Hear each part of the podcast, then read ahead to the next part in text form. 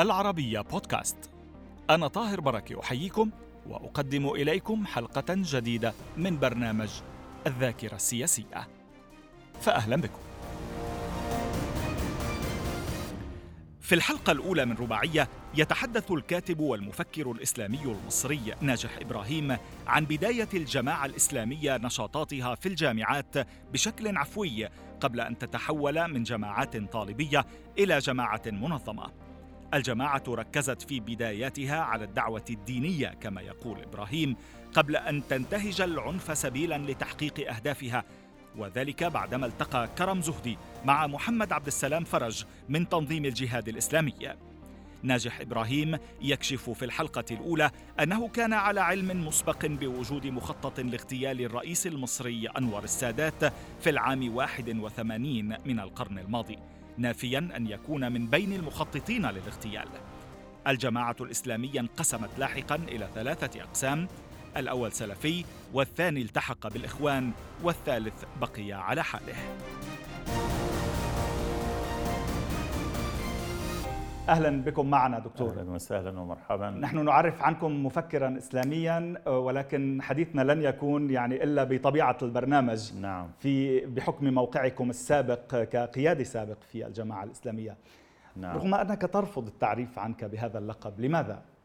لأنني اولا ودعت هذا الطريق واستقلت طوعية من الجماعة الإسلامية بعد يعني انتظرت اللحظة المناسبة لكي أستقيل. لم أستقل وهم في السجن. وأنا معهم إنما استقلت آه، بعد ذلك حينما وصلوا جميعا الحرية وتبوأوا أماكن يعني بارزة في المجتمع قلت هذا وقت الاستقالة. وكنت أنوي ذلك من بعد المبادرة اعتبرت أن المبادرة هي نهاية لرسالتي معهم قطيعة مع الماضي آه تماما قطيعة يعني. مع الماضي نعم. آه هذا طبعا مر بالكثير من الأحداث والسجن والمراجعات نعم. إلى ما هنالك. سنعود إليها في سياق هذه الحلقات ولكن دعنا نبدأ لو سمحت بالأجواء التي كانت سائدة في مصر من حيث موقعكم آنذاك من حيث زاويتكم آنذاك. الجو المصري مع وصول الرئيس السادات إلى الحكم وطبيعة العلاقة مع التيارات الإسلامية قبل أن تنتظم.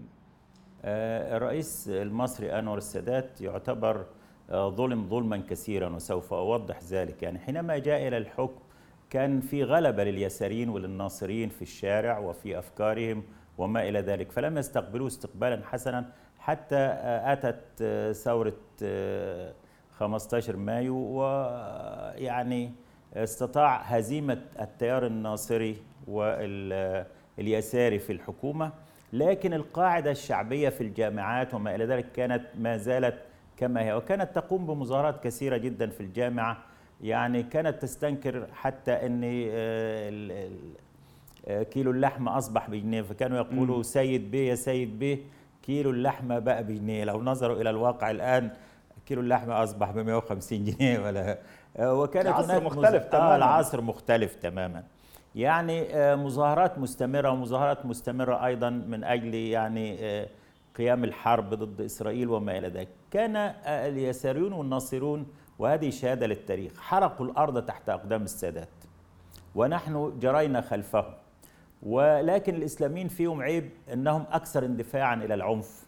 وأكثر اندفاعا إلى إلى ولكن إلى في البداية كان في اطلقهم من السجون آه أطلقهم لكي من يضعف التيار الناصري. بالضبط كده. ألم يستفيدوا من تلك المرحلة ببراعة؟ أيوه طبعا. السادات آه، وجد أنه لابد في الشارع وفي الجامعات وفي الأماكن الأخرى أن يوازن اليسار والناصرين بالإسلاميين. أطلق سراحهم واعطاهم الحرية. م. وكان جماعة الإخوان هي يعني هي اذكى واحدة تنظيميا فاستطاعت تكوين ما يسمى بالجماعة الإسلامية بس من خلف ستار لم تكن واضحة. الجماعة الإسلامية تكونت أو الجماعة الإسلامية تكونت أوتوماتيك ثم بعد ذلك استغلتها الإخوان أو ركبتها. الجماعة الإسلامية هذه تقسمت إلى ثلاثة أقسام. قسم كون السلفيين وهم في اسكندرية وغيرها قسم كون القسم الأكبر انضم للإخوان رسميا ولكن بعد عام 79 78 وقسم اللي هو بقى الجماعة الإسلامية. كان يبقى اذا الجماعات الكبرى الثلاثة تكونت منذ السبعينات أو بدأت منذ السبعينات. لكن اللي تبنت العنف منها هي الجماعة الإسلامية وقتها. اللي سنعود إلى هذه النقطة ولكن آه. ما طبيعة العمل الذي كنتم تقومون به آنذاك؟ كان آه كان في البداية دعوة في المدرجات دعوة في المدينة الجامعية وما إلى ذلك. بس الدعوه إلى ماذا تحديدا؟ يعني هل دعوة, دعوة إلى, إلى الصلاة فقط؟ آه دعوة إلى الصلاة إلى القرآن دعوة دينية. وأنا خلصت خلاصة عمري أن الجماعات دائما تبدأ دعوية تبدأ سلمية ثم بعد ذلك تتحول إلى عنف. وأنا كنت في بداية حياتي كنت أظن أو أعتقد أن الجماعات هي طريق تكوين أو طريق إقامة الدين وخلصت في نهاية عمري أن هذه الجماعات هي التي تأد الدين وأنها لا تحمي حتى أبناء ولكن أنا ذاك كان اعتقاد أنا ذاك كان اعتقاد أنها هي طريق إلى ماذا تحديدا؟ طريق إلى, إلى الله أو إلى قلب نظام الحكم؟ لا لم نكن في البداية تبدأ في في البداية لا, لا علاقة لها بقلب نظام الحكم ولا غيرها هي طريق لإقامة الدين كنا. نعتقد أن إقامة الدين لا يكون إلا عن طريق جماعة وهذه الفلسفة استقيناها أيضا من الإخوان إنه ما فيش دين إلا بجماعة وما فيش جماعة إلا بسمع وطاعة. وبعد كل ما سمعناه بعد تلك الفترة بعقود عن أن الإخوان آه، هم آه، أصل كل أو يعني معظم الجماعات نعم ولو التي تتبنى فكرا متطرفا هو أساس بالنسبة إليك صار واضحا جدا بعد ذلك. أيوة صار واضحا بعد ذلك. آه، لكن في البدايات لم نكن نعلم ذلك. يعني في البدايات كانت تلقائية كانت الجماعة الإسلامية يعني في الجامعات؟ آه في, في الجامعات في المدينة في الجامعية في المدرجات في غيرها. ثم بعد ذلك بدأت تتأطر أو تنظم. حينما تنظمت أراد الإخوان أن أن يبايعوها بقى علنا. حينما أصبح الوضع حسنا وفي هناك حرية كبيرة في نهاية السبعينات الإخوان طلبوا رسميا البيعة. لكن في فريقين رفضوا ذلك. الأغلبية بايعت الإخوان ودخلت ودخلت رسميا. وكان عندنا اعتقاد كلنا أن يعني لن تستطيع إقامة الدين إلا بجماعة. طيب والقسم الذي رفض؟ القسم الذي رفض تكون من قسمين. قسم كون الدعوة السلفية التي هي الآن على شكلها الحالي وقسم كون الجماعة الإسلامية التي كنت أحد قادتها آه وقت ذلك على أي أساس افترقتم عن الإخوان؟ لماذا لم تنضموا إليهم؟ والله هو كنا يعني كنا نرى أن هم يعني آه يعني آه لهم تاريخ لم يعلمونا إياه يعني بطريقة صحيحة وكان كثير من الناس حذرونا ساعتها من الإخوان أو ما إلى ذلك لكن أنا أقول أننا كنا أكثر طيشا وقتها من الإخوان آه. وأكثر نزقا وأقل حكمة. يعني أقل آه أقل آه حكمة. أقل حكمة وأكثر نزقا. لكن لم ي... لم ينخرط إلى العنف. بدأنا برضو بالبداية. لكن شو كان دورك آنذاك؟ كان دورنا هو الدعوة وما إلى ذلك. ولكن كنا نصنع مؤتمرات ومسيرات ومظاهرات في الجامعة آه، إما اعتراض مثلا على قدوم الشاه. كنا في البداية لا نتدخل في الأمور السياسية. ولكن بعد ذلك آه، حينما بدأت الجماعات كلها لأن الجامعات دي كلها كانت مرتبطة ببعضها يعني جامعة القاهرة زي جامعة أسيوط زي جامعة المنيا زي جامعة عين شمس. فمثلا نعمل مظاهرة لاستخدام السادات الشاه نعمل مظاهرة آه، لكلمة قالها السادات لا دين في السياسة ولا سياسة في الدين. كل ذلك نعمل مؤتمرات وفيها مسيرات ومظاهرات وما إلى ذلك. وكانت الدولة متسامحة ولكننا لم نفهم هذا التسامح فهما صحيحا. كيف متسامحة يعني؟ آه متسامحة معنا. لم تكن يعني تمنع هذه المظاهرات مم. ولم تكن تمنع هذه المؤتمرات ولم تكن تحول بيننا وبين حرية الرأي. مم. و ولكن البعض يرى بأن ذلك كان مصلحة للسادات وليس يعني خطأ. لا السادات لم يكن يريد هذا لم يكن يريد هذه الدرجة. السادات كان يريد درجة من؟ درجة ما. درجة ما من الحرية. درجة ما آه. مم. لكن أن تعترض على كلماته أن تعترض على استخدامه للشاه لم يكن يريد ذلك. مم. ولكنه آه، المشكلة في الحركة الإسلامية أنها حينما تعطيها حرية فإنها لا تعرف قيمة هذه الحرية. أنا خلصت من ذلك. أنها لا تعرف قيمة هذه الحرية ولا يعني الدرجة التي عندها حدود, الحر... حدود هذه نعم. الحرية أنت يعني أشرت إلى الشاه مرتين آه، نقول للمشاهدين تقصد طبعا استضافة السادات للشاه بعد الثورة الإيرانية آه. في 79 كان المنظر الأول للحركة الإسلامية عمر عبد الرحمن متأثرا بسيد قطب. لم يكن لديك مآخذ؟ يعني هذه شخصيات نحن نتحدث عن تلك المرحلة.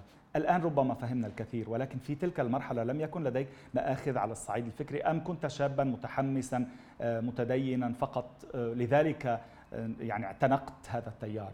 هو شهادة لله وللتاريخ أن فكر الشيخ سيد قطب كان مؤثر ليس على الدكتور عمر عبد الرحمن فقط ولكن مؤثر على كل جيل السبعينات. ولم يكن أمامنا إلا هذا. وكان أسلوب الشيخ سيد قطب لأنه أسلوب أدبي كان يسحر القارئ. ولم يكن هناك دور يعني للمؤسسات الدينية بحيث أنها تجذب هذا الشباب. لم يكن أمامنا إلا الجماعات وإلا برضه هذا الفكر. هذا الفكر ساحر لأنه كتب بأسلوب أدبي رائع وما إلى ذلك. وخلط بين العقائدي والسياسي. مم. وخلط بين الأدبي والعقائدي. والصحيح الذي آه بعد ذلك. والصحيح أن الشيخ سيد قطب أخطأ أخطاء جسيمة حينما كفر كلمات المجتمع الجاهلي يعني وضعت كأنها المجتمع الكافر. المجتمع الجاهلي كان يستخدم في كل كتب المجتمع الجاهلي الحكم الجاهلي البرلمان الجاهلي. كل هذه الكلمات آه، يعني يعني تحورت إلى الكفر والعياذ بالله. فالشيخ سيد قطب كان اديبا ولذلك هو قال في ظلال القرآن لم يكن هذا الكتب بتاعته لا تؤخذ منها عقائد ولا تؤخذ منها أحكام ولا تؤخذ منها أحكام على المجتمعات. هذه خلاصات عمري بعد ذلك. أني إني من أساسيات الفكر المتطرف ليس عند الجماعة الإسلامية في بدايتها فحسب ولكن حتى عند داعش. يعني أبو بكر البغدادي قرأ آه، في الظلال 27 مرة في سجنه. وهذا الكتاب هو الذي كون الفكرة الأساسية عنده. رفض المجتمع رفض الحكم أنه آه، في في في في آه، في شبابنا كنا مثاليين غير واقعيين. يعني كنا نريد الحاكم مثل عمر بن الخطاب. في حين إن إحنا نفسنا في بيوتنا وأسرنا مش عمر بن الخطاب ولا نستطيع أن نكون ذلك. واللي خلصت بيه إن إحنا من أخطائنا الكبرى في هذا الوقت إن إحنا لم نكن نقيس مثلا الصحفي بالصحفيين الآخرين. أو رجل الأعمال برجال الأعمال الآخرين. خلصت أنا في نهاية حياتي إنك أنت حينما تقيس الضابط تقيسه بالضباط الآخرين الصحفي بالصحفيين الآخرين الحاكم بالحكام الآخرين. لا أن تقيسه على نموذج ليس موجودا وصعب تحقيقه في المنال. فأفكار سيد قطب هي التي يعني أثرت ليس فينا فحسب حتى في أيمن الظواهري وحتى في الجميع. من وما آه الذي قاد الجماعة الإسلامية آنذاك إلى العنف؟ آه أول حاجة بداية عام 79 كانت كان عاما حاسما. عاما حاسما في المنطقة العربية كلها واثروا علينا كبير وأثر على مصر كبير. يعني في هذا العام حدث الثورة الإيرانية وهذه الناس لم يفهموا الثورة الإيرانية أنها ثورة مذهبية عرقية ستقسم المنطقة وتحدث صراعا هائلا في المنطقة بين السنة والشيعة وأنها ستؤلف جماعات في كل بلد مسلحة يعني تحتل هذا البلد وتكون دولة داخل الدولة. لم نفهم ذلك في بداية لكن تأثرنا ورأينا أنه ممكن أن تسور على الحكام بثورة شعبية تؤدي إلى أنك أنت يعني تخلع هؤلاء الحكام. الحاجة الثانية في هذا العام أيضا حصل احتلال أفغانستان وتأثرنا به وما إلى ذلك. في هذا العام أيضا حصلت كامب ديفيد. وكامب ديفيد كان لها أثر كبير جدا في مصر وسط اشتعال هذه الأزمة. اتفاق السلام بعد كامب ديفيد آه بعد كامب ديفيد أشعل اليساريون والناصرون النار تحت السادات مرة أخرى. يعني بعد آه بعد حرب أكتوبر اجتمع الناس جميعا حول السادات وحول الجيش. أما بعد كامب ديفيد كان هناك سخط كبير جدا من بعض الناس منهم الحركة الإسلامية. لكن الحركة الإسلامية لم تقد هذا آه، الأمر. ولم نكن نفهم كامب ديفيد آه، على وجهها الصحيح. يعني ونحن نحن شباب اعتبرناها خيانة ونحن شباب اعتبرناها خيانة للقضية وأن السادات باع القضية الفلسطينية. سأعود إلى هذه النقطة. سأعود إلى هذه النقطة في سياق الحلقات. ولكن إذا ما تحدثنا عن شخصيات تعتبر هي المسؤولة عن قيادة الجماعة نحو العنف باتجاه التطرف والعنف. ما هو من نذكر؟ ما هو كانت البداية هي من آه، كامب ديفيد حينما سار المجتمع كله وإحنا نفسنا سرنا نعم هذه الأسباب التي قادت. آه دي الأسباب التي قادت العنف. لكن سبب اتجاه الجماعه الاسلاميه لم تتجه إلى العنف إلا حينما التقى الشيخ كرم زهدي مع واحد اسمه محمد عبد السلام فرج. لم يكن عند الجماعة الإسلامية حتى هذه اللحظة الفكرة الانقلابية أو فكرة العنف المسلح. يعني محمد عبد السلام فرج هو محمد المسؤول الأول عن ذلك المسؤول الأول عن ذلك لماذا؟ لأنه ما لم يكن من الجماعة الإسلامية كان من تنظيم الجهاد. وتنظيم الجهاد دي خلايا عنقودية يعني آه، العنف ده أساسي عندها. يعني ما عندهاش الجماعة الإسلامية كان عندها الدعوة والمساجد وعلنية. أما ال ال الجهاد فهو تنظيم سري أساسا. ولكن هو استطاع أن يؤثر على هو قيادات الجماعة ومن يؤثر. كرم زهدي. بالظبط كده. وكرم زهدي هو الذي أقنع الجماعة الإسلامية بالتعاون معه والتحالف مع تنظيم الجهاد. هذه هي النقطة المفصلية اللي حولت الجماعة الإسلامية إلى إيه؟ إلى التفكير في العنف. بس ال ال ال الأساس كان آه، عقدي. الأساس يعني كان عقدي. نعم. الأساس في العنف كان عقدي اللي هو إن إن التغيير. الرغبة في التغيير. والرغبة في التغيير دي ال- المناخ المحيط ساعد على ذلك اللي هو كامب ديفيد والخيانة وما إلى ذلك. لم نفكر وقتها في حسنات السادات. يعني لم نفكر وقتها في إن حسنات السادات العظمى ويكفي حسنة نصر أكتوبر تجب كل ما قبلها ولم نفهم برضو كامب ديفيد كامب ديفيد كنا نفهم إن المفاوض ده على حسب حقك هتأخذ مش على حسب يعني موقفك السياسي والعسكري وما إلى ذلك. لم نكن نفهم ذلك. بعد أن كبرنا عرفنا أن السادات كان اذكى حاكم في المنطقة وأنه استطاع تخليص أرضه. وان هو لو لو انتظر عدة سنوات كان المجتمع الإسرائيلي هيرفض السلام إنما المجتمع الإسرائيلي كان وقتها مهيئا لقبول السلام ليه؟ لكثرة الضحايا في حرب أكتوبر منه وكثرة القتلى وما إلى ذلك ولذلك أحب أن هو السلام السادات كان أذكى حاكم في المنطقة حينما أقبل على السلام وقتها قبل أن يبرد الشعور ده بال- بال- بالرغبة في السلام في المجتمع الإسرائيلي. ولو انتظر كما انتظر حافظ الأسد لضاعت الجولاء ضاعت سيناء مثلما ضاعت الجولان. لم نكن نفهم ذلك. وأن في المفاوضات أنت بتحقق ال- اللي تستطيعه حسب قوتك وحسب الحلفاء بتوعك. سأعود إلى آه، الرئيس الراحل أنور السادات. ولكن أسألك سؤالا آه، سريعا إذا سمحت في الحلقة الأولى لنمهد لما سيأتي في الحلقات المقبلة. ندمت لأنك شاركت في التخطيط لقتله؟ آه، أنا لم أشارك آه، شخصيا ولكن شاركت في علمت. التخطيط لقتله. لا ولا التخطيط. اللي خططوا لقتله هم اللي أعدموا. يعني الذي خطط لقتله من من لا. يعلم يعني من يعلم لا يكون مشاركا بالتخطيط. لا لا لا لا يشارك لأن لم لم أتدخل في أنا كنت مسؤولا للدعوة في الجماعه الاسلاميه ولم آه، أشارك في أي حاجة ولذلك لم لم أدخل قضية آه، موضوع ال- آه، موضوع السادات يعني قضية السادات دخل فيها أناس واللي أعدموا فيها المخطط الرئيسي اللي هو محمد عبد السلام والمنفذين الأربعة طب ولم أدخل علمك في هذه القضية. علمك بالمخطط ماذا تسميه؟ آه يعني هو علم ناس كتيرة ساعتها يعني من الغرائب والعجائب إن عدد الناس اللي علموا بذلك ممكن يجاوز المئة أو الأكثر من 200 حتى مع بعض الرسائل التي وصلته شخصيا باستهدافه. آه يعني مش بس كده ده في واحد قال لضابط في أمن الدولة ساعتها. والرجل حاول أن يوصل الرسالة ولكن وصلت بعد يعني فوات الأوان لأن ما كانش فيه وسائل زي صحيح. مثل هذه الطريقة. إذا الذين كانوا يعلمون كثر يعني. ولم يكن عن شرط من تتحدث تحديدا هنا؟ لا داعي للأسماء. مم. إنما الاسم ده معروف. حتى كانوا يسخروا من هذا الضابط يعني الضابط ده كان اسمه محمد إدريس العقيد محمد إدريس. كان يسخر منه رؤساء وبعد ذلك يقولوا له ده أنت لو كنت الموضوع. يعني نافع كنت زمانك دلوقتي بقيت رئيسنا. يعني كانوا يعني يمزحون معه. لكن هو حاول ي- يصل برسالته ذهب إلى المدير ثم بعد ذلك لم يجدوا. فأرسل حاول أن يدخل إلى وزير الداخلية في العرض فمنع وما إلى ذلك. لكن آه، السادات يعني له حسنات تجب أي عيوب. لكن وقت قبل الاغتيال بفترة كان هناك ما يسمى بالتحفظ وهذا التحفظ أثار المجتمع المصري كله. هذا ليس تبريرا إنما أنا أسوقك على الأجواء التي كانت.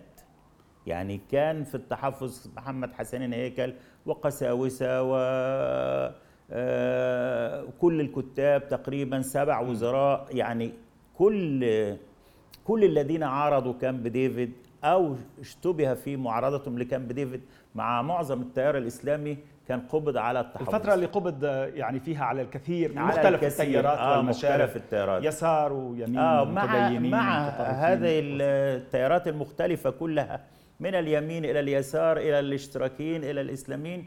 كانت خطب السادات وقتها آه، خطب ساخنة كان يترك الأوراق ولذلك حسني مبارك تعلم منه. ألا يخرج عن الورقة أبدا. لم يخرج عن الورق أبدا طوال حياته ليه؟ كان لأنه كان عفوي بعض الأحيان آه بخطابات لا قليل اليسار. العفوية. يونيو قليل العفوية، 81 لكن الخطب الخطب التي كانت بعد التحفظ كانت كلها خطب ساخنة تسخر مثلا آه، من آه، من هيكل وتسخر من رئيس حزب الوفد آه، فؤاد سراج باشا وغيره وغيره وتسخر من الإسلاميين وتسخر من حافظ سلامة وتسخر من المحلاوي وما وهذا جعل هناك آه، يعني ثورة عارمة بين كل هذه التيارات. تمام. يونيو 81 أحداث الزاوية الحمراء بين المسلمين والأقباط في القاهرة. ما كان دور الجماعة الإسلامية؟ لا لم يكن لها دور في إطلاقاً. آه، وهذه أحداث عفوية يعني لم يكن لها على أثر محرك. خلافات آه، على شخصية اثر و- خلافات شخصية و... و... و... واجتماعية وإنسانية في كيف شهدت. عليها؟ كيف كان الموقف آنذاك؟ أنا لم أعرف عنها كثيرا لأن أنا كنت أعيش في الصعيد يعني ولكن كان ال- المجتمع المصري محتقنا عموما وكان ال- الخطاب الإسلامي لم يكن خطابا حكيما ولا برضه الخطاب المسيحي وقتها. يعني كان هناك تعصب من الجانبين وكان هناك تشدد من الجانبين وكان هناك تربص من الجانبين كل منهما بالآخر. ولكن آه، أنا دايما أعيب على الخطاب لأن الخطاب هو بداية ال- هو الذي يحرض. هو الذي يحرض. الخطاب كله كان تحريضيا حتى الخطاب كله قبل بعد كامب ديفيد كان تحريضيا على السادات. تذكر كثيرا كامب ديفيد اتفاق السلام تعتقد أنه هو بسلم الأولويات السبب الأساسي العامل الأول في قتل لا السادات؟ في عوامل كثيرة. يعني مثلا آه، لا الذي لا قتل معلش رتب آه. لنا الأولويات. يعني أنا ذاك الترتيب الأولاني آه كامب ديفيد مثلا. كامب ديفيد آه أولا كامب ديفيد الخطب بعد كده. الخطب التي التي- ضدكم. آه التحفظ. مهم. تحفظ. لأنه تحفظ على كل يعتبر على كل ممكن نقول على كل كل الأطياف السياسية في المجتمع المصري.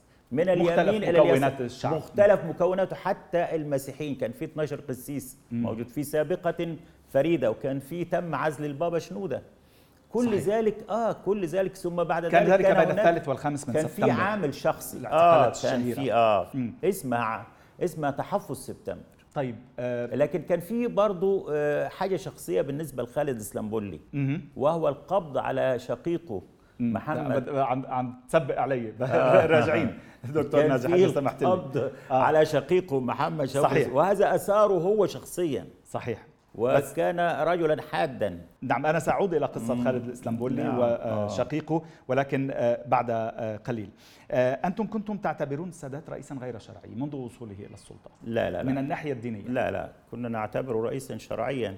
من الناحية الدينية كنتم آه، تعتبرونه أيوه شرعيا طبعا طبعا. والجماعه الاسلاميه لم يدخل فيها هذا الشعور ولم يدخل فيها حتى الرغبة في العنف إلا بعد لقاء محمد عبد السلام مع كرم زهدي. طيب كيف استطعت أن تفلت من تلك الاعتقالات آنذاك؟ أنت لم تعتقل مع اعتقالات آه هو, هو بص يعني معظم آه معظم الشباب ظن أن لأن السادات هدد بهذه الاعتقالات قبلها. فيمكن السياسيين الكبار أمثال محمد حسنين هيكل وفؤاد سراج الدين لم يتوقعوا ذلك لأن هم ما فيش حاجة هم بيعارضوا معارضة مم. سلمية وما فيش أي حاجة كنا نتوقع أن يعني هذه يعني هذه الاعتقالات القادمة هتطال آه، التيارات الإسلامية وحدها ولذلك نحن قرأنا المشهد وهربنا قبلها طيب من الذي قال تعالوا نخطط لنتغدى بالسادات قبل أن يتعشى بنا؟ لا هو القولة دي ترددت يعني يمكن آه، قالها محمد عبد السلام ويمكن الشيخ كرم قالوا نفس المعنى دوت إن هو كان في كرم زهدي. لا ومحمد عبد السلام نفسه برضه آه، كان في آه، قراءة شبابية متهورة ل 54 حينما قبض عبد الناصر على آلاف من الشباب المتدين أيام الإخوان وما إلى ذلك. فكان هناك هاجس أن التحفظ ده سيطول. لم نكن نعلم إن السادات كان يخطط إن التحفظ ده ستة أشهر فقط لحين استلام العريش. حتى لا يرجع ك... وكل اللي كانوا معه قالوا ذلك. وزوجته السيدة جهان السادات رحمه الله قالت ذلك. أنه كان ينوي هو لما عابت عليه التحفظ قالت له إحنا بنرجع ورا ولا بنتقدم لقد... للأمام في الحريات؟ قال لا يا جهان دول ست شهور وهنعملهم كويس لحد ما استلم العريش عشان بيجن ما إيه حتى لا يجعلها تكأ ليه؟ لإلغاء كامب ديفيد. لأنه طبعا بيجي الندم على كامب ديفيد وشعر أنه هو فرط في سيناء وما إلى ذلك وأن السادات يعني خدعوا أو استطاع هزيمته سياسيا بعد أن هزمهم عسكريا. نتابع في بداية الحلقة المقبلة دكتور ناجح. شكرا لوجودكم معنا مجددا. شكرا. نتابع وإياكم في بداية الحلقة المقبلة مع دكتور ناجح إبراهيم الكاتب والمفكر الإسلامي. شكرا لوجودكم معنا.